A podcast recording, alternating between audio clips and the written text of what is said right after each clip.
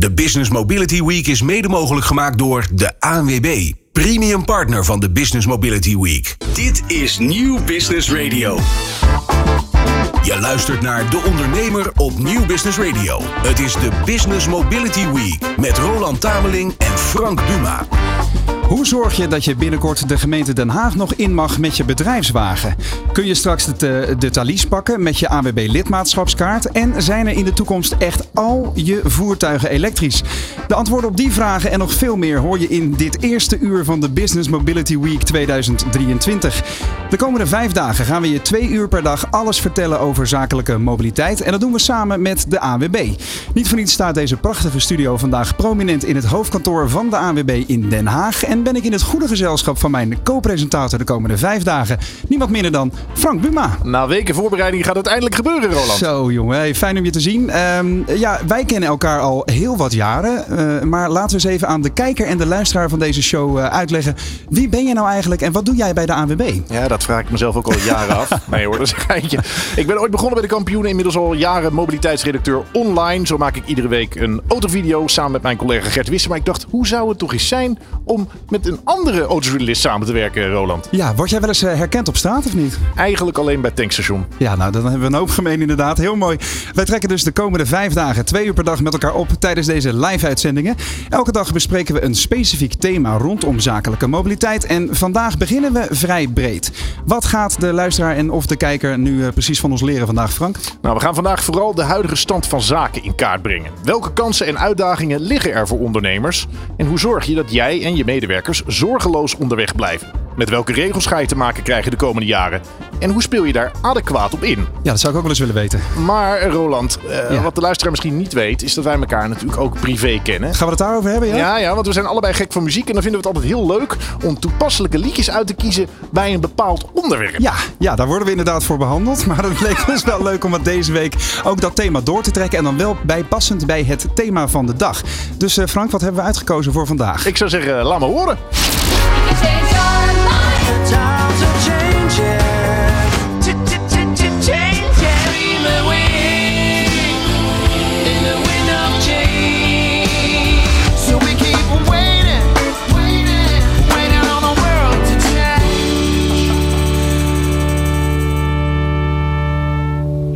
Fijn. Waiting on the world to change is volgens mij niet echt het beste advies voor deze week. Want als ondernemer moet je natuurlijk vooruitlopen op, uh, op uh, ja, hoe de wereld gaat veranderen. Maar dat er iets gaat veranderen is wel duidelijk. Ik hoorde vooral verandering in deze selectie. Ja, nou, dat zit er ook wel een beetje in. Hè? Dat is ook uh, een mooie voor de aflevering van vandaag. Ja, zo is dat. En ik ben heel blij dat Abba er maar heel kort in zat. Maar de sfeer zit er in ieder geval heel lekker in. Maar we zijn hier natuurlijk voor de inhoud. En die komt elke dag mede van onze co-host. En vandaag is dat Dirk-Jan de Haan. Uh, programmamanager Maas bij de ANWB. Uh, Maas staat natuurlijk voor Mobility as a Service. Uh, een van de meest gehoorde termen van de afgelopen jaren. Het is echt zo'n containerterm, Dirk-Jan. Ik, ik, nodig je van harte meteen uit hier aan de desk. Goed dat je er bent de komende twee uur. Wat houdt Maas nou echt in in, jou, in jouw optiek? Ja, Maas is een, uh, inderdaad een containerbegrip voor alle vormen van uh, multimodaal reizen. Dus niet alleen maar in je eigen auto van A naar B, maar ja. kijken of je dat kunt combineren met andere vormen van vervoer. Uh, dat kan ook helemaal zonder je eigen auto, maar dat kan ook met je eigen auto. Het gaat erom dat je verkent wat voor jou de beste manier is om bij je bestemming te komen. Wat misschien wat duurzamer is, misschien ja. uh, wat handiger, omdat het parkeren in de stad misschien wel erg kostbaar geworden is zijn verschillende motieven. En het is inderdaad heel erg in, uh, in opkomst en in beweging. Ja, voor degene die meeschrijft de komende dagen. Modaliteit is dus de vorm waarop je reist. Hè? Dat is, uh, dat, die ga je vaak voorbij check. horen komen. Maar dat is wel goed om even op je, op je lijstje te zetten.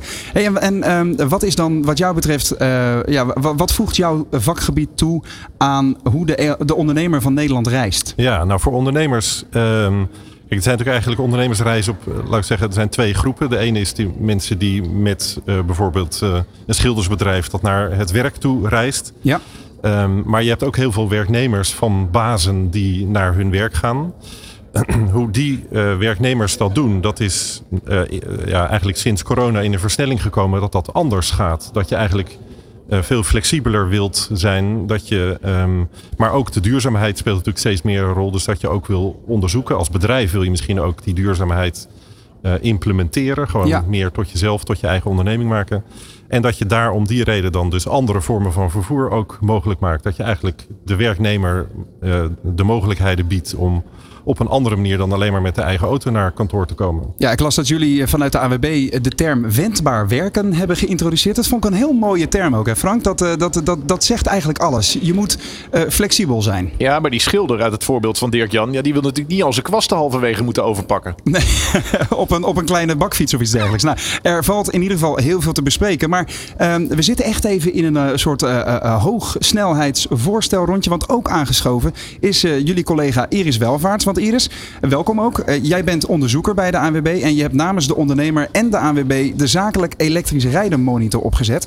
Meer dan 500 respondenten zijn dus ondervraagd uh, aan de hand van jouw onderzoek over hun zakelijke mobiliteit.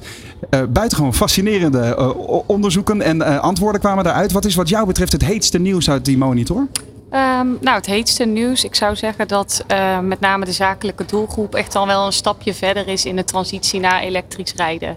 Dus we zien dat uh, nou, al een wat groter aandeel van de zakelijke doelgroep al elektrisch rijdt. Ja. En dat ze ook wat meer van plan zijn om dat, dat de komende vijf jaar te gaan doen. En dat verschilt wel echt met, nou ja, uh, het Nederlands breed publiek, om het zo maar even te zeggen. Want daar ligt die bereidheid nog iets lager, begrijp ik. Klopt, die bereidheid ligt iets lager. Ook de bekendheid met elektrisch rijden. Ja. Um, en uh, nou ja, de houding is een beetje vergelijkbaar. Hè? Dus de, de houding ten opzichte van elektrisch rijden, daar is men wat verdeeld over. En nou ja, ook dat zagen we wel terug in ja consumentenonderzoek. Ja, wat, wat mij meteen ook opviel uit de antwoorden die werden gegeven, is dat uh, de gemiddelde elektrische of de gemiddelde zakelijke rijder in Nederland, die verwacht een actieradius van zo'n 600 kilometer. Ja. Nou, uh, Frank, wij kunnen dit als geen ander meteen even in perspectief zetten. Er zijn maar heel weinig testauto's waarmee je nu 600 uh, eh, kilometer kunt halen op één acculading. Laat staan een, een zakelijke auto, hè? of als een, een bedrijfsbus of zo. Dat wilde ik inderdaad net zeggen. Voor een actieradius in de praktijk van 600 kilometer zit je echt wel in het allerhoogste segment. BMW's, ja. Mercedes en de nieuwkomer Lucid. Bedrijfswagens die komen misschien drie, 300 kilometer ver. En dan is dat al echt uh, met uh, 50 in zijn 6, zeg maar. Ja, de, maar de vraag is ook, hoe relevant is het om daadwerkelijk 600 kilometer te rijden... als ook uit de reacties blijft dat mensen, uh, ondernemers, gemiddeld zo'n 50 kilometer per dag rijden. Uh, Dirk-Jan, wat is jou nog meer opgevallen in dat onderzoek? Want jij bent er ook even in gaan snuffelen. Zeker, zeker, ja. Nou ja, de, twee dingen. Het ene is natuurlijk inderdaad die, uh, uh, die afstand die men wil. Waarbij we ook weten dat de gemiddelde afstand die men moet rijden naar het werk ja. veel minder is. Hè. Dus het, uh, ja, de noodzaak is, is dan niet altijd aanwezig. Aan de andere kant kun je je voorstellen dat mensen misschien wel de flexibiliteit willen hebben om wel een klant verder weg te kunnen bedienen. Maar een andere die ik heel interessant vind daarin is dat het argument om niet naar elektrisch te gaan is dat het geen milieuvoordeel zou hebben. Hè. Dat komt ja. uit het onderzoek naar voren. Ja. En de grap is dat dat echt onzin is. Hè? Dus het, het, heeft gewoon in alle gevallen, ook als de stroom die wordt opgewekt voor een deel grijze stroom is, hè, dat argument wordt letterlijk genoemd door de correspondenten, dan is het nog steeds een heel groot milieuvoordeel. Nou, we dus... komen daar nog uitgebreid over okay. te spreken. Dankjewel Iris. Uh, al die onderwerpen komen sowieso deze aflevering nog aan bod, maar ook de rest van de Business Mobility Week. En Dirk-Jan, je gaat natuurlijk ook met ons in gesprek met uh, de andere experts die straks nog aanschuiven. En de eerste, die staat al klaar. De Business Mobility Week. Elke dag van 12 tot 2 live radio. Vandaag vanuit het ANWB hoofdkantoor in Den Haag. Presentatie Roland Tameling en Frank Buma alles lijkt tegenwoordig te draaien om duurzaamheid. Hè? Ook bij het op de weg houden van je bedrijf speelt dat thema een belangrijke rol. Of het nou gaat om de verplichte CO2-rapportages, het omschakelen naar emissievrije voertuigen of de vraag of je straks met je brandstofbus nog wel naar je klant in een binnenstad kunt komen. Over die uitdaging op gemeentelijk niveau gaan we praten met Arjen Kapteins, wethouder duurzaamheid, energietransitie en klimaatadaptatie. Het is een vol portfolio bij de gemeente Den Haag. Uh, meneer Kapteins, hartelijk dank voor de komst naar de studio. Van harte welkom. Uh, ja, meteen mijn eerste eerste vraag eventjes om het naar de mens te halen. Hoe reis, we mogen jij zeggen, hebben we Ja, zeker. Ja, ja, hoe, je, je, begon om meteen u te zeggen. Ja, wat, uh, dat zit er ingebakken. Maar hoe reis maar, jij van en naar het werk? Nou, ik uh, ben in gelukkige, gelukkige omstandigheid dat ik alles op de fiets kan doen. En, ja. en af en toe voor zakelijke dingen uh, hebben we ook nog een dienstauto. Maar ik probeer in alles te fietsen. Ja, ja dat is een voordeel, want je, je, woont midden in Den Haag. Hè, en ook uh, Zeker, het stadhuis ja. natuurlijk, het Espelers hier in Den Haag, zit niet zo heel ver daar vandaan. Um, maar ja, laten we het meteen eens even hebben over die gemeentelijke doelen. Hè. Wat is wat, wat duurzaamheid en klimaattransitie en, en ook dus mobiliteit. Wat zijn daar de, de speerpunten van in het gemeentelijk beleid? Ja, we hebben als Den Haag uh, behoorlijke ambities op dat gebied. Uh, we hebben om te beginnen de ambitie om in 2030 klimaatneutraal te willen zijn. Dus, dus uh, dat betekent ook wat voor de mobiliteit. We willen aan de wereldgezondheidsnormen voor luchtkwaliteit gaan voldoen. Hè, de, de, want mobiliteit heeft ook heel veel te maken met schone lucht. Ja.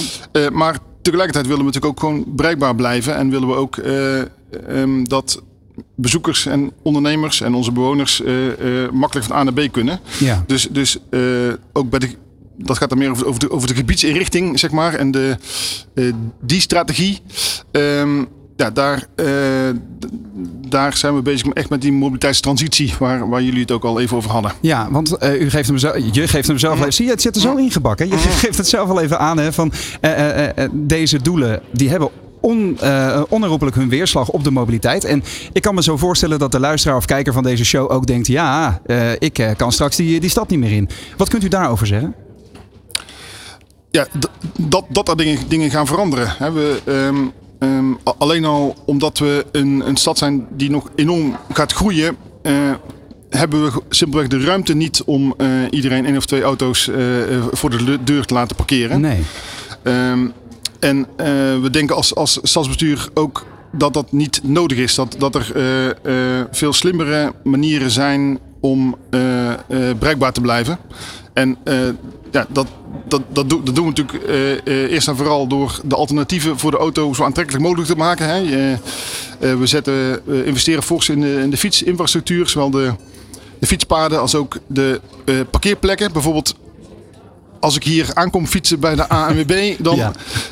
Er is een fietsenstalling, maar die, die, die stond vanochtend helemaal vol. Uh, dus uh, dat, dat, dat, is, dat is een klein voorbeeld hè, van, van, van uh, hoe je ook als bedrijf ervoor kan zorgen dat het voor mensen aantrekkelijk is om, om met de fiets naar, naar, je, naar je onderneming te komen. Ja, dat is wel opmerkelijk, Dirk-Jan. Want uh, je zou zeggen inderdaad, ook bij de ANWB wordt er natuurlijk heel erg over die transitie nagedacht. Maar uh, feitelijk en fysiek is er dus nog weinig veranderd. Want het gaat hier nog steeds vooral over de auto, of zie ik dat verkeerd? Nou, dat zie je verkeerd, want je ziet denk ik die fietsen niet allemaal staan. Er zijn verschillende plekken waar je op de fiets terecht kunt. Voor bezoekers is dat inderdaad een, een wat klein plekje. Ik weet niet precies waar je hebt geparkeerd met je fiets. Maar... Zo, zo, dicht mogelijk voor de deur, hè? Zoals, ja, zoals, zoals, alle fietsers doen. Ja. Met rijden motor staat klaar. Exact, ja. Dat is wat fietsers doen. Maar wat misschien daar nog wel aardig is, wat je juist ziet, bijvoorbeeld eh, de OV-fietsen die bij ons in de uh, fietsenstalling uh, staan.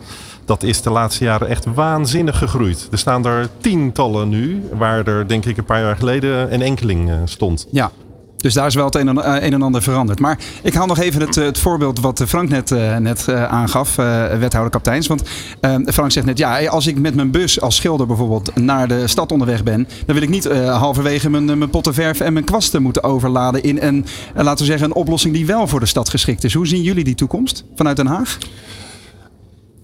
Um, nou, de, er, gaan ontegenzeggelijk dingen veranderen. Hè. Wat we onder andere gaan doen is vanaf 2025 in het centrumgebied van Den Haag een zero-emissiezone invoeren voor, voor vrachtverkeer en voor bestelverkeer. En we zijn tegelijkertijd aan het kijken, tegelijkertijd aan het kijken uh, vanuit stikstof, want dat, dat is natuurlijk een, uh, een, een, heel groot thema ook in deze stad. Of we dat gebied niet meteen kunnen uitbreiden naar de hele kustzone. Dus ook heel, heel Scheveningen ja. uh, erbij betrekken, zeg maar. Omdat dat een heel effectieve manier is om stikstof te reduceren. Um, ja, en, en, en dat, gaat, dat, dat gaat impact hebben. Dus dat, dat gaat ook wat voor ondernemers betekenen. Dus, um, en um, ja, dat proberen we op allerlei manieren te stimuleren. Hè. Ja. Er zijn hele aantrekkelijke regelingen al om, eh, om ze subsidie te krijgen als je naar, eh, naar, naar elektrisch gaat. We geven als Den Haag nog een extra uh, premie als je dan je oude diesel uh, inlevert, zeg ja, maar. Een slooppremie zo gezegd, Een, een slooppremie, ja. ja. Um, en we hebben nog meer flankerend beleid, maar, maar, wat we vooral proberen is met al die ondernemers in contact te komen om, om het gesprek te voeren en te kijken van ja, um, wat, op wat voor manier kun, kun jij nou toekomstproef je onderneming uh, het beste in gaan richten? Ja. En hoe doet u dat dan? In contact treden met die ondernemers? Door bijvoorbeeld aan te schrijven bij de Business Mobility Week? Bijvoorbeeld, maar, maar uh, dit gaat nog veel al over, over, over ondernemers heen. Hè? Nee, nee wat, we, wat, we, wat we ook proberen is, is, is in allerlei samenwerkingsverbanden. Het, natuurlijk met, uh, met de lokale branchevereniging ook, hè, met de MKB, uh, met MKB Den Haag en met ja. de VNO-NCW West. Dat, dat zijn voor ons belangrijke partners. Um, pro proberen we dit gesprek te voeren en, en ook de mensen zelf te bereiken. Want ehm, er zijn, er zijn natuurlijk in Den Haag, bijvoorbeeld als je het over Scheveningen hebt, de haven, bijvoorbeeld de, we, hebben, we hebben een hele grote visserijafslag. ja. nou, dan, dan proberen we echt in overleg met, met, met, met zo'n faciliteit te kijken van op wat voor, wat voor manier zou je nou naar een zero-emissie oplossing kunnen in de toekomst. En uh, wij zijn natuurlijk van de oplossingen bij de ondernemer en bij de ANWB. Uh, welke oplossingen worden er dan vanuit het bedrijfsleven in deze regio uh, aan u voorgelegd? Wat willen de mensen hier? Nou, vaak gaan, gaan de gesprekken eerst nog even waarom dit nodig is en, en, en, en, en waarom dit ontwikkelingen zijn die, uh, die, die, die, waarvan we het ons gewoon niet meer kunnen permitteren om dat een aantal jaren voor ons uit te schuiven. Ja. Uh, en, en als je eenmaal zover bent, dan, dan, uh, dan komt er ook heel veel meedenkkracht en creativiteit los. En wat we, wat, wat we bijvoorbeeld, waar we nu goede ervaringen mee hebben in Den Haag, is Ehm, eh, bakfietsen. We, we, hebben, we hebben een aantal elektrisch aangedreven bakfietsen. Die stellen we ter beschikking aan kleinere ondernemers. En die, kunnen, die kunnen dan een aantal maanden zo'n bak, bakfiets proberen. Uh, en bijvoorbeeld voor, uh, voor de schilderen, voor, of, voor, voor kleine, kleine onderhoudsbedrijven die, die ook veel in de binnenstad moeten zijn. Ja, die, die, pas, die ervaren dat dan en die geven echt aan ons terug dat het, dat het ook enorme voordelen heeft om gewoon, gewoon qua qua wendbaarheid, qua... Uh, uh, je hoeft plat gezegd je bus nergens meer nee, niet nee, te parkeren, hem, zeg je kan, maar. Je kan, hem, kan hem op de stoep zetten of, ja. of, of, of, in de voortuin van de, van de, van de, van de plek waar, waar je moet zijn. Ja. Dus, dus ondernemers zien zelf ook wel in dat, dat er hele mooie alternatieven zijn ja. die, die, die, die ook je onderneming kunnen helpen. Maar kort gezegd is de boodschap van de gemeente Den Haag dus. Beste ondernemer van, uh, van de regio, we denken zo goed mogelijk mee, maar hou je vast, er gaat onherroepelijk het een en ander veranderen en het is niet anders. Ja, dat, dat is... Als we het plat slaan. Toch? Ja, en Waarbij we natuurlijk wel, hè, we, we, we, kijken ook naar als het, als, als het voor je onderneming echt niet kan. Of als je, of hè, er zijn ook bepaalde, bepaalde ondernemingen die eh, voor, voor wie elektrische oplossingen nog niet beschikbaar zijn. Ja. Of die uh, net een investering hebben gedaan, uh, waardoor het nu even net niet past. Nou, daar zijn, daar zijn op zich allemaal ontheffingsmogelijkheden voor. En, uh, maar, maar maar de kernboodschap is wel, uh, uh, ja, uh, we, we, gaan deze kant op en je, je, je, moet aanhaken. Dus, ja. Frank, je had nog een vraag tot slot. Ja, we hebben in, in, aanloop naar deze uitzending een, een poll uitgedaan onder de, de, luisteraars en de kijkers van New Business Radio. En zij verwachten dat die geplande milieuzones, dat dat nog wel eens vertraging op kan lopen. Dus ik vroeg me eigenlijk af, hè, de ondernemer die moet ergens klaar voor zijn, maar hoe ver is de gemeente? Liggen jullie op schema? Bijvoorbeeld met het invoeren van zo'n milieuzone, dus vanaf 1 januari 2025. Ja, voor het, voor het centrumgebied liggen we sowieso, sowieso op schema. En dat, en dat doen we natuurlijk als Haag niet alleen. Hè. Dat is onderdeel van een, van, een, van landelijke afspraken. Er zijn 25 steden waarin dit gaat gebeuren. Ja. Uh, iedereen doet dat een beetje op, een beetje op zijn eigen manier. Maar we proberen dat wel zo uniform mogelijk te doen. Uh, dus voor het centrumgebied nou, die, die, dat is ook gewoon besloten. Die gaat er ook gewoon komen. Dat, dat gaan we vanaf 2025. En dat is uh, Manju. Dat is uh, nou, over anderhalf jaar. Hè? Ja, dat is eerder dan je uh, denkt. Ja. Um, ja. gaan we dat fasegewijs invoeren.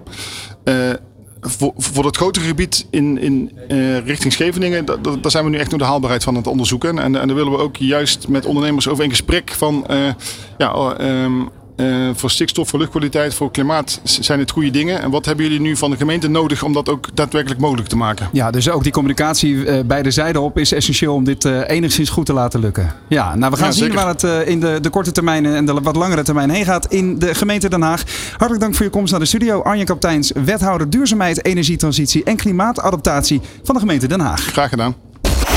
Hoe ontketen je de kracht van mensen in organisaties? People Power brengt je de laatste wetenschappelijke inzichten en praktijkvoorbeelden. Over leiderschap en leren, betrokkenheid en bevlogenheid, inzetbaarheid en inclusie. Voor leidinggevende, HR-professionals en adviseurs. Omdat mensen het verschil maken in jouw organisatie. Elke maandag live om 3 uur. En als podcast via peoplepower.radio of jouw favoriete podcast-app.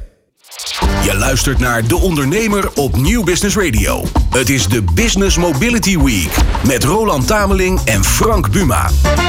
Deze Business Mobility Week geven we antwoord op veel vragen. Maar vandaag dus zoomen we in op vooral die ene hoofdvraag. Hoe ziet de toekomst van zakelijke mobiliteit eruit? Als belangenbehartiger van de Nederlandse auto-importeurs zit de rijvereniging zogezegd dicht op het vuur. Zo diende weten Huub, uh, Huub Dubbelman, sectievoorzitter personenwagens en lichte bedrijfswagens van de rijvereniging als geen ander waar het heen gaat. Huub zit nog even zijn microfoon goed te zetten. Zit je, zit je steady, uh, Huub? Ik zit steady. Van harte welkom in de studio. We zijn vereerd dat je er bent uh, vanuit een van de grootste belangenclubs eh, van Nederland. Eh, een man ook die, die eh, heel goed weet waar het heen gaat. Hè. we hadden net de wethouder van de gemeente Den Haag hier aan de desk.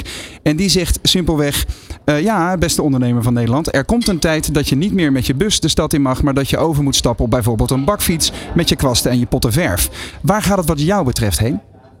Nou, ik denk dat de stap die de wethouder net gemaakt heeft iets aan de korte kant is. Mm ik begrijp overigens zijn, zijn wens. Uh, ik bedoel, daar wordt door de industrie natuurlijk ook op ingericht. Hè. We kennen een hele generatie light eh, electric vehicles, de zogenaamde LEFs. Ja. Elektrische bakfietsen en alles wat er een beetje op lijkt. Maar tegelijkertijd uh, wil iedereen ook voorkomen dat uh, we de hele dag om moeten kijken naar elektrische bakfietsen die ons omver kunnen rijden. Want een van de problemen natuurlijk is dat iedereen het heel aantrekkelijk vindt om te bestellen 24-7. Ja. En eigenlijk ook verwacht dat binnen 24-7 het thuis bezorgd wordt. En uh, al die pakjes gaan in de bestelwagen. En als je uit de bestelwagen haalt en in een uh, bakfiets stopt, heb je ongeveer 10 bakfietsen nodig om dezelfde lading uit die elektrisch aangedreven bestelwagen ja, dus op praktisch vlak is er nog er zijn, er zijn een aantal interessante oplossingen, maar ik denk dat iets te kort door de bocht is. Ja, wat zien jullie dan als, eh, als toekomstoplossing voor de korte termijn voor Nederland? Nou ja, ik bedoel, er, wordt uh, hard gestudeerd op de mogelijkheden om zoveel mogelijk elektrisch aangedreven bestelwagens uh, de markt op te krijgen. Ja.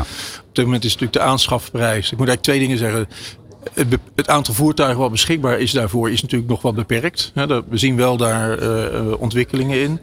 Uh, zowel batterij elektrisch als op waterstofniveau. dus we verwachten wel dat daar een, een, een, belangrijke toename zal zijn. Zeker voor rond 25, 2025. Ja. Maar tegelijkertijd moeten we ons ook realiseren dat die voertuigen natuurlijk ook op dat moment nog zeker 30 tot 40 procent duurder zijn dan diesel aangedreven voertuigen. Ja, want als je, uh, ik heb even die, die de cijfers opgezocht. Als je ziet wat de marktpenetratie nu is, wat, uh, wat, een, wat een mooi woord is uh, om te zien hoeveel daadwerkelijk van het, hoeveel procent van het wagenpark nu al elektrisch is. ongeveer 12.000 elektrische bestelwagens zijn er nu in Nederland. En dat is minder dan anderhalf procent van het totale ja. wagenpark. Ja. Ik bedoel, ja. en, en dan wordt er gezegd, ja, in 2030 is de verwachting dat we rond die 90 procent zitten. Hoe haalbaar is dat? Nou ja, in redelijkheid eigenlijk onhaalbaar. Ja. ik bedoel, ook als als je een instroom krijgt van bijna 100% elektrische bestelwagens, heb je in 2030 nog steeds niet een volledig geëlektrificeerd bestelwagenpark. Maar het wordt wel verwacht van de ondernemers van Nederland. Ja, dat wordt wel verwacht. Maar ik denk dat de realisten binnen deze hele planning zich ook goed realiseren dat dat waarschijnlijk lastig te halen is. Ja. Uh, er komt bovendien bij dat het volstrekt onduidelijk is wat er in mogelijk subsidiemogelijkheden na 2025 gerealiseerd zal worden. Dus ik denk dat ondernemers daar ook goed naar kijken. Wat voor mogelijkheden daar zijn. En dan zal er misschien sneller geschakeld worden. Wat wel een groot en belangrijk ding is. Is natuurlijk dat je ziet dat er grote wagenparkbeheerders in Nederland. HelloFresh, uh, uh, DHL. Uh, de Coolblues van deze wereld. De Coolblues van deze wereld. Die investeren wel uh, heel duidelijk in deze parken. En doen op die manier natuurlijk ook grote ervaringen op. Ja, Frank, uh, in ons uh, voorgesprek over dit item hè, hadden we het al even over al die regels die op de, op de ondernemers van Nederland gaan afkomen. Ehm, kun jij daar een aantal voorbeelden van geven wat er allemaal in, in, in, de komende jaren op, op ze afkomt? We hebben een, een lijstje gemaakt. Hè? Nou ja, om te beginnen hoorden we de wethouder net al over die milieuzone. Over anderhalf jaar al. Mhm. En als ik dan nu zo naar Huub luister, dan vraag ik me af of dat allemaal wel eh, realistisch is. Want zoveel busjes zijn er dan nog helemaal niet. En ik ben vooral benieuwd, Huub, wellicht jij je licht daar even over laten schijnen. Hoe gaan we uh, dat prijsverschil overbruggen? Want ja, voor een ondernemer is zo'n bestelbus een belangrijk stuk gereedschap. Maar ja, niet tegen elke prijs. Nou ja, dat is inderdaad natuurlijk een, een hele belangrijke. Vandaar dat wij uh, in, in het gezamenlijk overleg met andere uh, leden van onze coalitie, ANWB, ja. VNA, uh, BOVAG en Natuur en Milieu, er ook voor pleiten. En je hoort dat natuurlijk steeds breder. dat er natuurlijk na 25 ook een duidelijke subsidiestructuur moet zijn voor het gebruik van elektrische voertuigen. Ik schakel nog even terug op jouw opmerking over die zero-emission zones in die steden. Bedoel, voor een deel heeft de rider in meegetekend zelfs. Hè, dat we daar ook een voorstander van zijn. Vooral om te voorkomen dat er een willekeur komt aan allerlei maatregelen op dat gebied. En wij willen dat eigenlijk gestroomlijnd zien. Zodat het voor de gebruiker ervan in elke stad ongeveer hetzelfde is. Hè. En dat is al een, een wedstrijd op zich. Ja, want je hoorde de wethouder net ook al dat het in het centrum van Den Haag geregeld is. Maar dat het voor de omgeving van Scheveningen nog geen uh, gelopen race is. Ja, je zou kunnen zeggen dat de ondernemer dus heel duidelijk moet weten waar hij zijn business heeft. Hè, en dan wellicht daar ook aan de hand daarvan keuzes gaat maken voor zijn wagenpark en dergelijke. Uh, Dirk-Jan de Haan vanuit de ANWB, expert op het gebied van Mobility as a Service. Um, wat zie jij um, op het vlak van oplossingen de komende tijd gebeuren voor de ondernemers van Nederland? Uh, nou, ik denk dat het eerst goed is om eh, te duiden van ik snap alle, alle weerstand tegen alles wat er gebeurt. Maar aan de andere kant is het natuurlijk ook gewoon een gigantisch probleem op aarde. En ik denk dat, dat het goed is om dat nog even te benoemen. Van, mhm. We doen dit niet, zo'n wethouder doet het ook niet omdat hij het uh, zijn hobby is. Hè, maar omdat er gewoon een waanzinnig probleem is maar waar ons we publiek, aan moeten werken. de mensen die luisteren en kijken, die zullen meteen zeggen... maar waarom ligt het dan straks op mijn bordje om dit probleem op te lossen? Ja, dus dat, dat is exact. Hè. Dus we, er zijn doelen en er is een, we moeten een kant op. Hè. En daarin moeten we zorgen. En dat is, uh, daar staat de AWW natuurlijk ook heel erg uh, voor. Om te zorgen dat dat rechtvaardig gebeurt. En dat, uh, en dat dat op een eerlijke manier gebeurt. Hè. Dus dat, uh, nou ja, dat je inderdaad, wat jij ook aangaf, uh, Huub, dat je zoveel mogelijk uh, die elektrificatie voor elkaar krijgt op allerlei manieren. En dat moet ook kunnen, want dat is natuurlijk ook het verhaal. Die, die, die afstand blijft gewoon beperkt ja. voorlopig. En, en, batterij, en die dingen zijn duur, dus er moet subsidie. Ja, vanuit Maas, kijk, als je het specifiek hebt over de casus, um, de schilder die naar zijn klant gaat en gaat schilderen, daar gaat Maas niet direct bij kunnen helpen. Mm -hmm. Weet je, dit zijn mensen die gewoon bedrijven die met een eigen vervoermiddel. Bijvoorbeeld, hè, ik denk niet dat de wethouder het net had over dat je overstapt op een. Maar dat je gewoon in je business ook vervoermiddelen hebt die wat kleiner, wat lefs zijn, kleinere. Mm -hmm. Zodat je gemakkelijk die binnenstad in kunt en daar je werk kunt doen voor wie het past. Die bakfiets implementeer je eigenlijk al ja, in je vloot. Exact. Ja. En die bus gebruik je om naar een andere stad te rijden of een ander dorp. En dat kleine lefding gebruik je in je eigen. Ja, dus dat zijn allemaal dingen, maar we zijn met z'n allen aan het innoveren. Hè. Niemand weet het antwoord. Niemand mm. heeft het antwoord. We moeten met elkaar zoeken wat de manieren van de toekomst worden. Om op een goede manier, op een duurzame manier, ja, de ondernemer en, en, de, uh, en de bewoner en eigenlijk iedereen uh, uh, te bedienen op een duurzame manier. Dat, ja, ja, precies. Huub de Wongen, je zit hier namens de rijverenigingen. Even, als ik even advocaat van de duivel spreek. Uh, als ik advocaat van de duivel spreek, dan zie je inderdaad dat er, uh, nou ja, zou je kunnen zeggen dat jullie even plat gezegd vooral uh, auto's en bussen willen verkopen. Die verkoopaantallen in Nederland moeten overeind blijven. Um, maar als we het eens plat slaan voor, voor ons publiek, wat raad jij de ondernemers van Nederland aan de komende jaren? Ja, ik denk dat het goed kijken naar wat er aan mogelijkheden zijn om die vorm van vervoer zo duurzaam mogelijk te maken. Want dat ben ik ook eens. Ik bedoel, ook de RAI is een, voorstander van het verduurzamen ja. van het wagenpark. Daar dat, willen we en kunnen we niet omheen. Daar, daar, daar is geen, uh, geen discussie over. Waarom, waar het ons om gaat is dat de ondernemer ook de mogelijkheid geboden moet worden om die keuzes te maken. Hoe doen we dat dan? Nou ja, dat zal, dat zal in, in een aantal gevallen zijn dat er met behulp van financiële prikkels eh, die enorme, uh, dat enorme gat naar eh, elektromobiliteit gedicht uh, moet worden. Ja.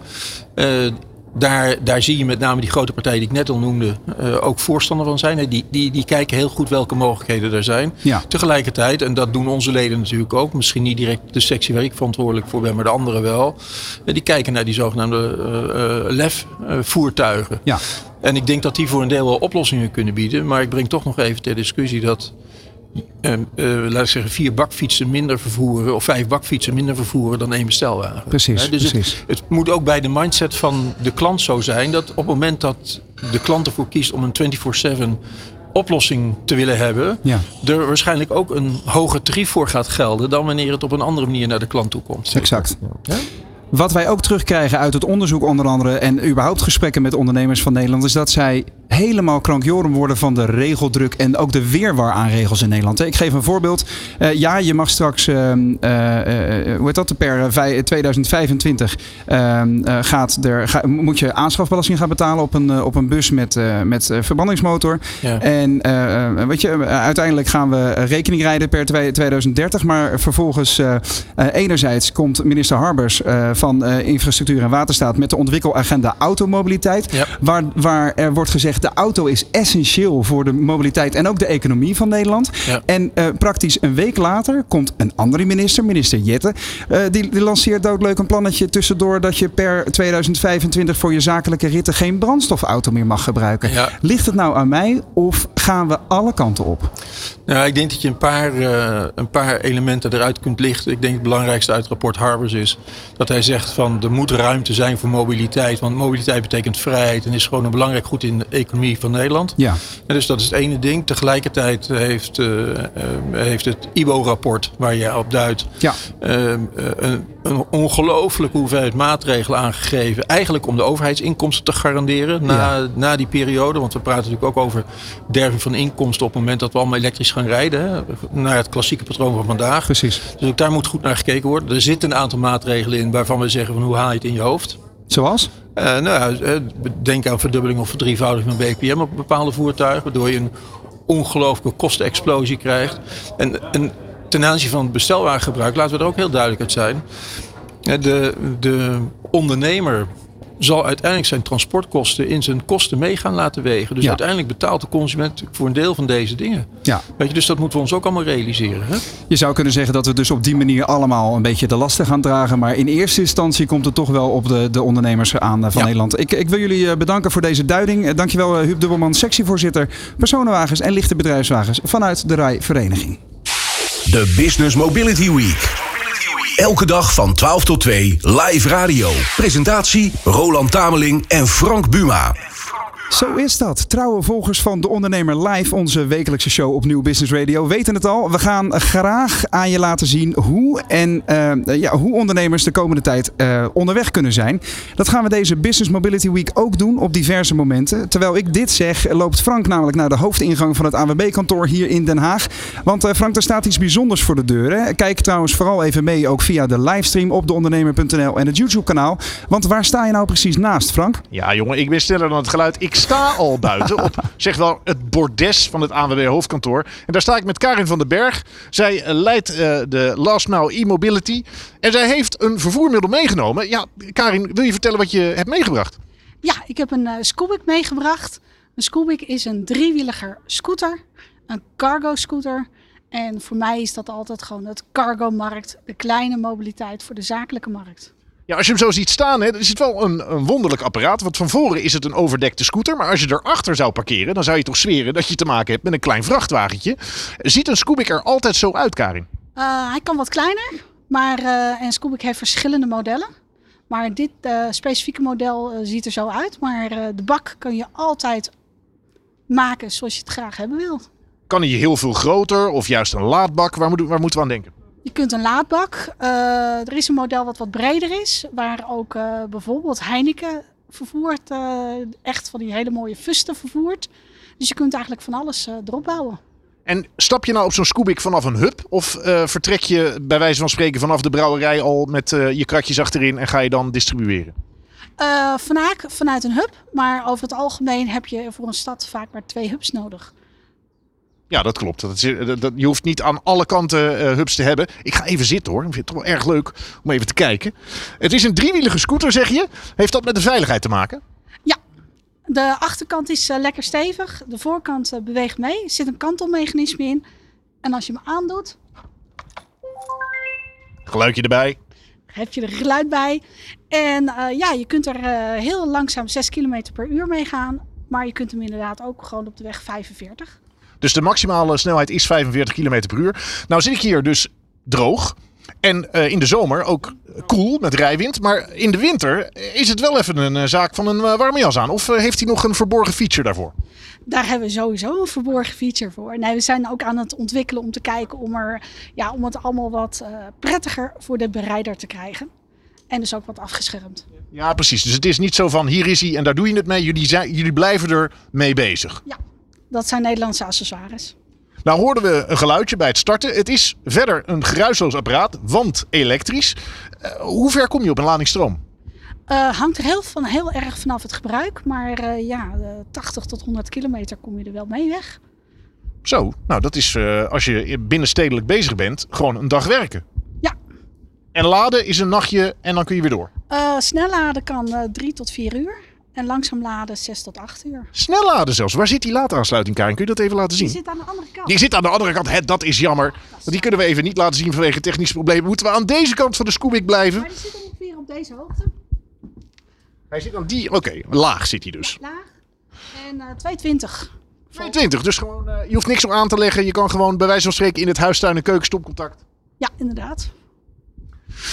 Nou uh, staan jullie bij Last Mile e-mobility natuurlijk voor allerhande vervoersvormen. Is dit zeg maar jullie hot ticket? Gaat deze het meest over de toonbank? Of zijn er nog meer voertuigen waar jullie goede zaken mee doen? Nou, cargo bikes, maar dan de wat grotere, zwaardere.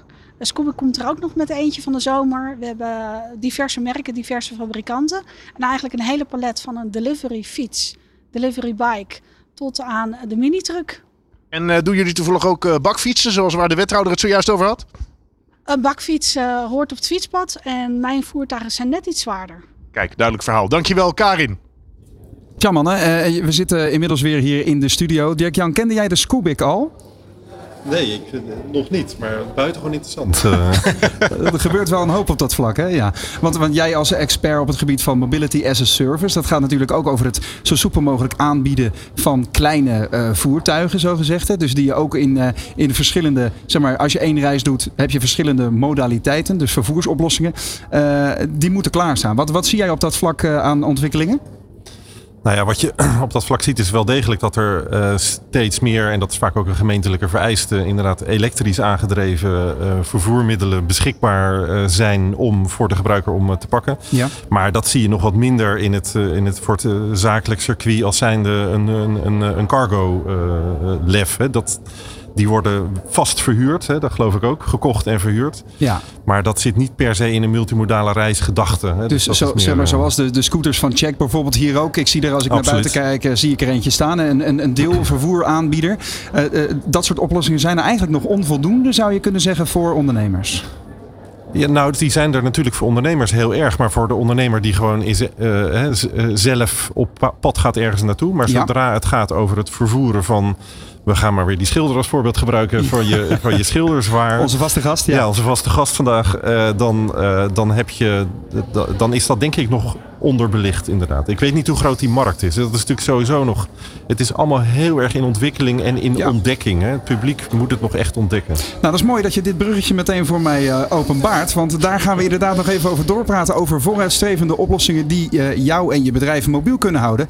Daarvoor is ook Rick van Rijthoven aangeslo uh, aangesloten. welkom Rick. Jij bent de organisator van de World of E-Mobility. Een beurs over elektrische mobiliteit in de breedste zin van het woord, hè? Ja, dat klopt. Ja, als jij het antwoord zou, zou uh, mogen geven aan, uh, aan Dirk, over, Dirk Jan over de, de, de oplossingen voor ondernemers op dat vlak. Wat zie jij al wel bij jou op de beurs? Nou, ik zie vooral dat er heel veel uh, oplossingen al zijn voor ondernemers. Ik denk alleen dat uh, uh, mensen zich nog veel beter moeten laten informeren. Ja? En het is natuurlijk een enorme transitie om van brandstof naar, om van brandstof naar elektrisch over te gaan. Ja. Dat vergt natuurlijk enorme investeringen. En ja, daar lopen mensen wel eens tegenaan. Want nog even een stapje terug. Wat kunnen wij zien als wij bij jou op je evenement op de World of E-Mobility aanschuiven? Ja, nou ja, goed. Eigenlijk alles wat met je mobiliteit te maken heeft. Dus dat uh, gaat van fietsen, scooters, steps tot motoren, auto's, laadpalen, uh, zero-emissie, bouwwerktuigen, vrachtwagens, bestelwagens alles wat daarmee te maken heeft. Ben je er wel eens geweest, Frank? Nee, nog niet. Maar uh, even advocaat van de duivel, Rick. Oh jee. Is oh jee. dat niet te breed? Nou, nee, dat denk ik niet. Ik denk dat het uh, juist heel erg uh, de samenwerkingen moeten worden opgezocht tussen de verschillende industrieën om tot oplossingen te komen. En zolang iedereen op zijn eigen eilandje blijft zitten, gebeurt er helemaal niks.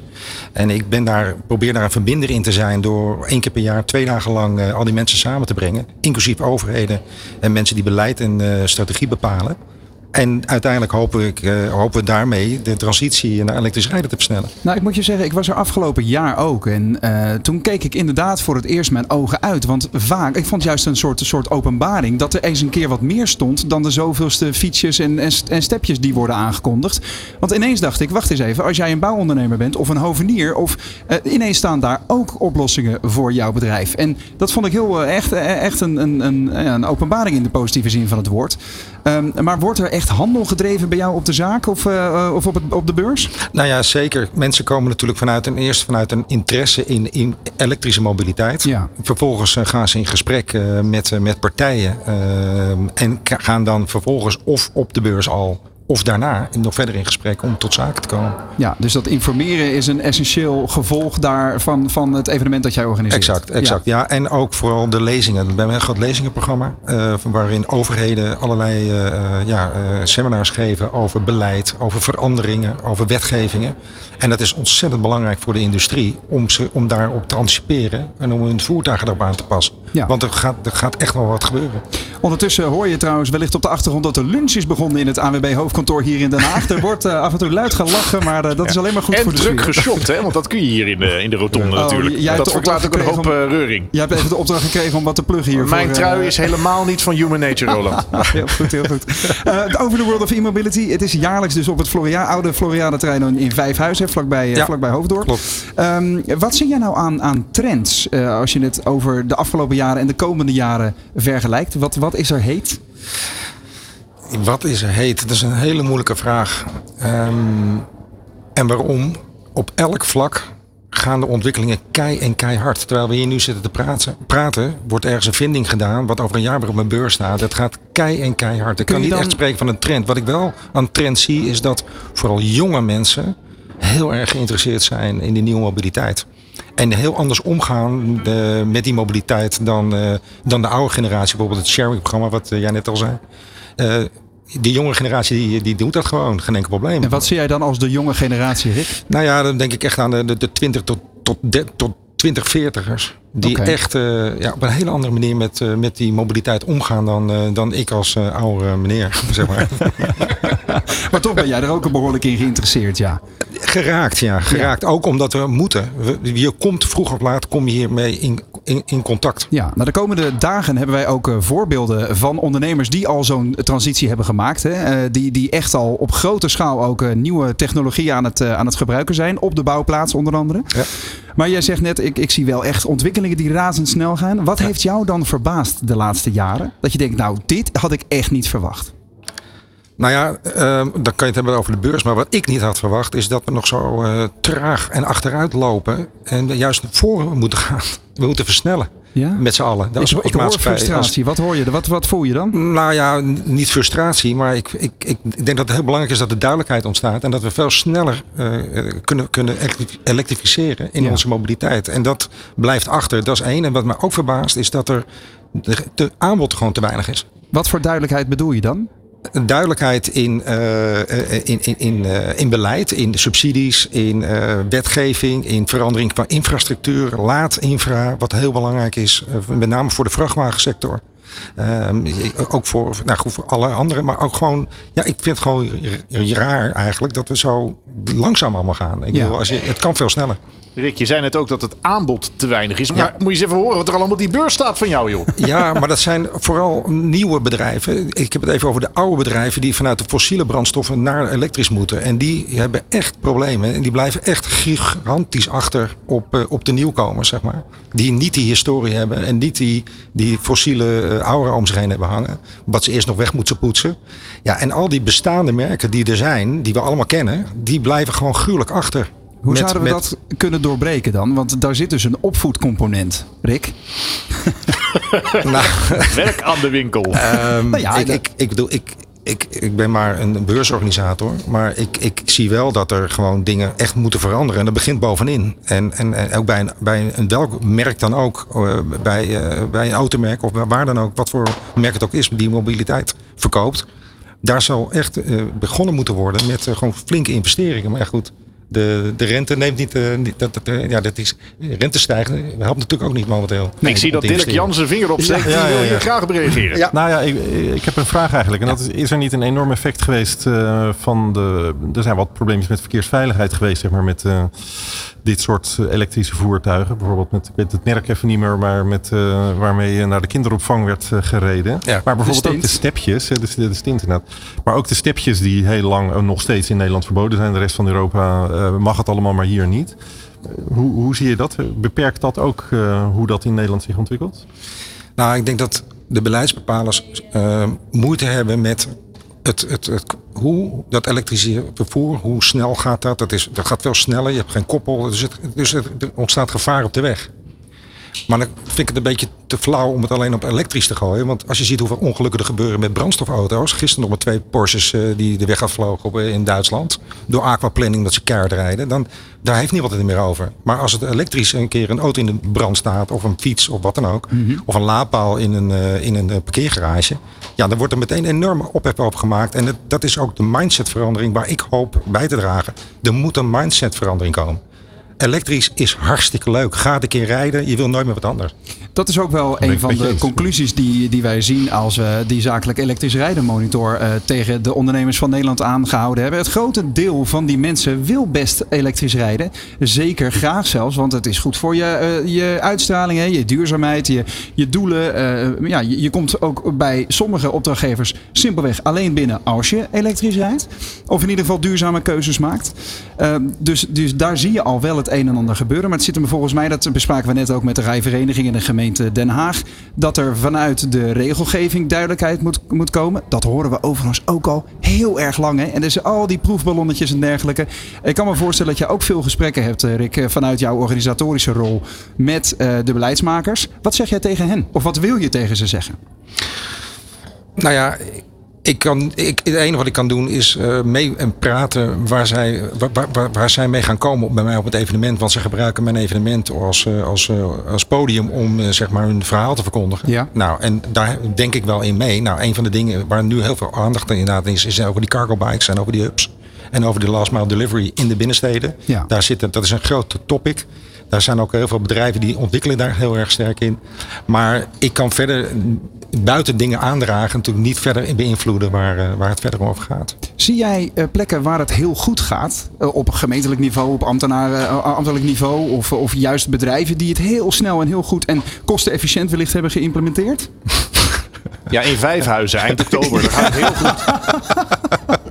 Goeie vraag, Roland. Daar ga ik even over nadenken. Ja. Ik kom volgende week graag terug om dit uh, antwoord te geven. Je hebt alle, uh, alle ruimte. Maar, maar het, dit is natuurlijk een hele serieuze vraag. Want ik kan me voorstellen dat jij, dat jij uh, ondernemers ziet die de sprong in het diep al hebben gewaagd. Wat onze luisteraar en kijker ook graag dus zou willen. Zo blijkt uit ons onderzoek.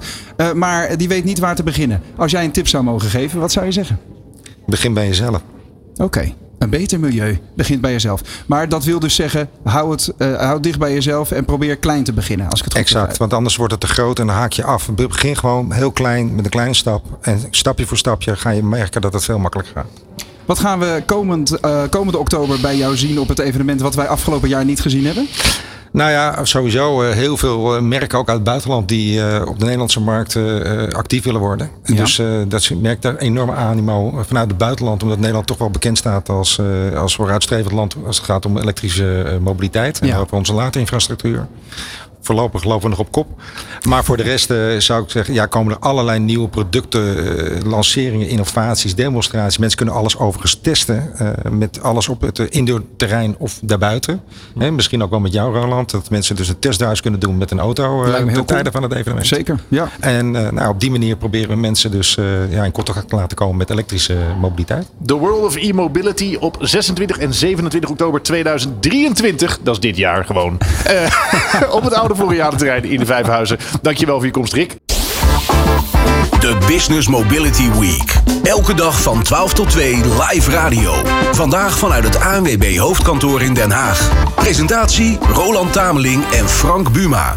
Zo is dat. We hebben de eerste aflevering van uh, deze Business Mobility Week. Het veel over oplossingen. Dat gaan we de hele week aandragen. Hè Frank, daar gaat het om dat we niet alleen maar praten over wat er mogelijk is, maar vooral ook voorbeelden laten horen. Want een ondernemer die goed op de toekomst is voorbereid, moet vaak niet alleen zijn wagenpark aanpassen, maar met nog veel meer zaken rekening houden. Maar hoe hou je nou eigenlijk grip op die duurzame mobiliteit en al die veranderingen die daarbij komen kijken? Nou, Pieter Willems kan daar meer over vertellen. Van harte welkom, Pieter. Leuk dat je er bent. Uh, uh, in het laatste onderdeel van deze van dit eerste uur gaan we het hebben over, uh, over hoe jij uh, en met je bedrijf ondernemers helpt. Hè? Want jij was eerder bij mij in de wekelijkse, wekelijkse show.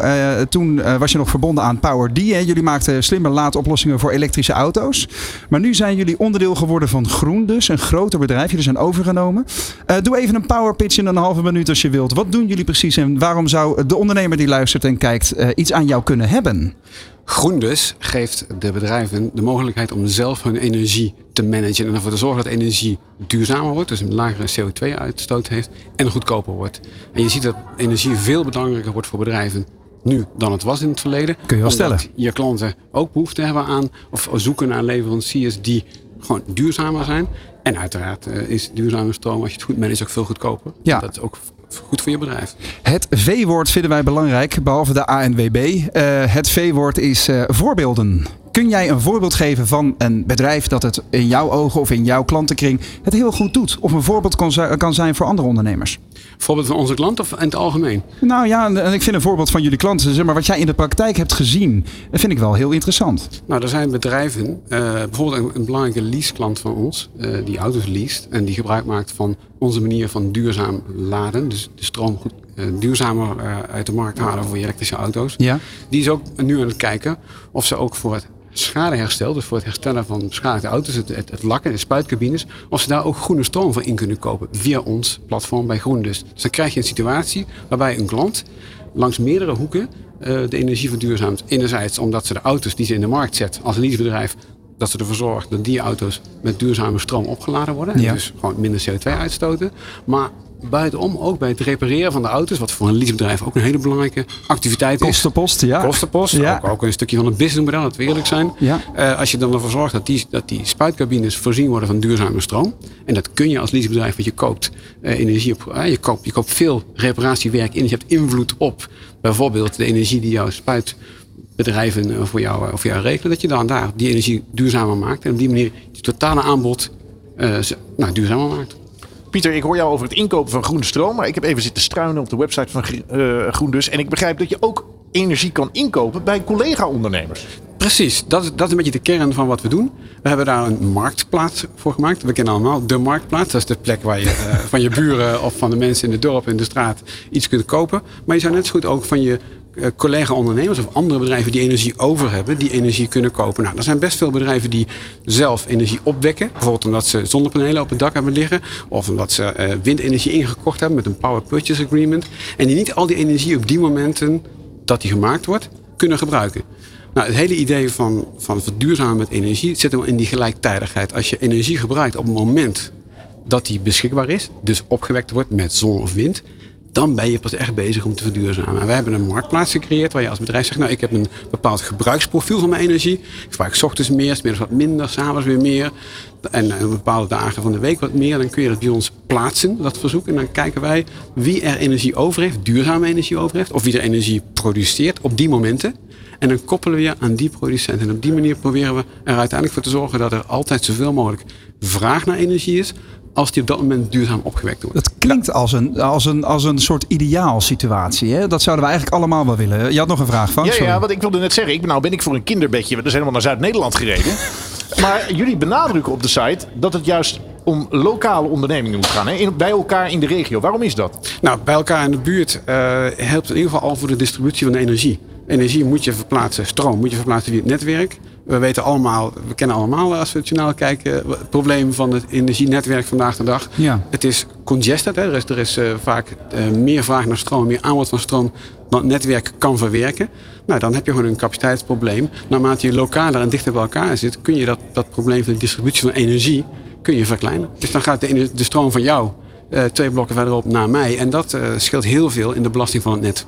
Maar ik ben even benieuwd, ook voor de luisteraar, moeten we dit wellicht nog even iets inzichtelijker maken, technisch vooral. Want um, wat heb ik nodig om onderdeel uit te maken van dit principe? Moet ik uh, aan de powerwalls, moet ik batterijen in mijn achtertuin zetten van mijn bedrijf? Of hoe werkt het? Hoe kom ik in die, in die flow van jullie? Je kunt op twee manieren meedoen met ons. Je kunt een aanbieder van duurzame stroom zijn. Dan ja. uh, meld je bij ons en zeg je: ik heb, dit, ik heb deze productie en die wil ik graag uh, zo goed mogelijk kwijt bij jullie. Dat zijn dan bedrijven die hun energiesysteem uh, eigenlijk al op orde hebben, zou je kunnen zeggen? Ja, of die zelfs uh, als onderdeel van een bedrijf energie produceren. Er zijn ja. meer en meer bedrijven die niet alleen zon op het dak hebben omdat het toevallig goed uitkwam met het plat dak, maar omdat ze er ook best wel een businessmodel in zien. Denk aan grote agrarische bedrijven en andere bedrijven die een beetje aan het schuiven zijn met ja. hun, hun propositie. En anderzijds kun je bij ons terecht als je een, een lasbedrijf bent of een winkelketen of een willekeurige bedrijfsvorm hebt waarin je in enige mate kunt aangeven op welk moment je meer en minder stroom gebruikt. En dan doen wij die matching voor je. Ja, en zit er dan, ja, ik kan me voorstellen, aan de ene kant kun je de, de vraag en het aanbod op elkaar matchen. Ja. Aan de andere kant kan ik me ook voorstellen als een ondernemer zijn processen iets anders inricht, dat het bijvoorbeeld veel beter aansluit op het moment dat de stroom beschikbaar is. Help je daar ook mee? Ik bedoel, dat is natuurlijk altijd wat ingewikkelder. Je kunt makkelijker gewoon aansluiten, maar het proces veranderen is natuurlijk ook een optie. Zeker, en ik ben blij dat je die vraag stelt, want dat is eigenlijk het primaire ding wat we doen. Primair willen we uh, de, het energievraagstuk oplossen binnen de organisatie zelf, binnen het bedrijf zelf. Bijvoorbeeld door inderdaad uh, het moment waarop je stroom gebruikt te plannen, zodanig dat er op dat moment meer duurzame stroom is. Of je zorgt ervoor dat je middelen hebt, zoals elektrische auto's, waar je uh, je eigen zonne opwekt, de stroom die je zelf opgewekt hebt op je dak van je, van je bedrijf, dat je die daarin stopt op het moment dat je er die auto minder nodig hebt. Dan hebben we het over het bidirectionele laden. Hè? Dat we, dat we uh, inderdaad, uh, je hebt de energiereserve in je accupakket van je elektrische auto. En die kan dan via een laadpaal worden teruggeleverd aan het net. Aan het net of gewoon aan jouzelf als bedrijf. Precies. Nog beter is het dat je die stroom direct zelf gebruikt. Ja. Maar nog los van het bidirectionele, dat is een term die we vaak horen. En die heel begrijpelijk is, Roland. Want dat is ook uiteindelijk wel de manier om straks helemaal die auto in te zetten voor ja. verduurzaming van stroom. Maar zelfs al heb je normale auto's die gewoon alleen stroom kunnen laden. Dan nog ben je erbij gebaat als je een aantal auto's hebt, elektrische auto's, dat je het laden zodanig plant dat ze pas gaan laden als jouw zonnepanelen op het dak van jouw bedrijfsgebouw op dat moment veel stroom produceren. Nou, dat is, dat is natuurlijk geen, geen, geen magisch inzicht, dat snapt iedereen wel. Maar daar tools, we hebben middelen, praktische technologie ja. die dat bij jou doet uh, op, op, moment op, jou, op jouw bedrijventerrein. Dat is wat wij organiseren. En dan snap je ook meteen waarom we als, uh, als Power die ons zo als een vis in het water voeden bij GroenLus. Ja. Want wij hebben die technologie. We weten hoe dat werkt. We hebben ook heel veel elektrische auto's. Uh, meer dan 5000 laadpunten al in ons netwerk. En het groeit verdomd hard, zal ik je ja. zeggen. um, we kunnen ook echt zo'n buffer gaan zijn. Ja. En, en, op die manier onze rol gaan spelen. Ja, stof dat je zeg maar, over heel Nederland steeds meer van dit soort druppels ziet uh, ontstaan. Hè? Die, die lokale initiatieven dus uh, uh, meehelpen om het net te ondersteunen. En ook om onder, ondernemers heel praktisch te voorzien van... Ik moet meteen denken aan de Rotterdamse ondernemer, horeca-ondernemer Herman Hel. Die wij een tijdje geleden in de show hadden. Die zei, ik wil wel helemaal elektrisch. Maar als ik zeg maar en mijn oven en mijn bakplaten en alles elektrisch aan wil zetten... dan moet ik soms een generator aanzetten omdat het net het niet aan kan. Dan zou je hiermee dus een heel oplossing kunnen uh, creëren. Helemaal waar. En het is altijd een combinatie van middelen. Uh, je kunt, uh, als je niet meer aansluitfactor hebt, als je niet meer stroom uit het net kunt halen dan ja. X. En dat is te weinig voor jou met je lasapparaten en je oven, weet ik wat. Dan kun je een batterij plaatsen die tijdens dalmomenten alvast wat stroom oplaadt. Of je gebruikt je auto's die aangesloten staan en die dat dan terugleveren. Dus elke situatie die vraagt een combinatie van praktische middelen, een batterij, ja. eigen opwek, auto's die aangesloten zijn, om die gelijktijdigheid, gebruiken als het er is en minder gebruiken als het er niet is, om, die, om dat voor elkaar te krijgen. En leidt dat dan ook tot significante besparingen? Dus ga je echt serieus minder kosten hebben dan aan, aan je energie? Ja, want als je je stroom uh, zelf, die je op jezelf opwekt, zelf gebruikt, dan is dat de bij far de goedkoopste bron van stroom. Dus dat ja. is serieuze bezuiniging dat is echt of een besparing? Ja, ja, zeker. Kijk. Financieel, ja. Dat zijn goede vragen, Dick. Je, je zit lekker in je rol als co-host. Dat, dat vinden wij, vinden wij heel best, fijn. Laatste vraag van dit uur, uh, Pieter. Um, uh, de ondernemer wil natuurlijk weten, ik wil wel, maar waar begin ik? Waar begin ik? Begin bij een gesprek met ons. Dan brengen we een kaart voor je waar je het snelste resultaat kunt boeken. Zo simpel kan het zijn. Dankjewel. Uh, Pieter Willems, tegenwoordig van Groen dus. heel fijn. Tot zover. Het eerste uur van in totaal 10 uur live shows tijdens deze Business Mobility Week 2023. Alle redenen overigens om te blijven kijken en luisteren. Want uh, straks na de break ontdekken we onder andere hoe Shuttle zakelijk reizen schoner en vooral slimmer maakt. Bespreken we de uitkomsten van de AWB Zakelijk Elektrisch Rijden Monitor nog verder. En komen de experts van Mazda op bezoek met onder andere de nieuwe CX60. Tot zo! De Business Mobility Week. Elke dag van 12 tot 2 live radio. Vandaag vanuit het ANWB hoofdkantoor in Den Haag. Presentatie Roland Tameling en Frank Buma.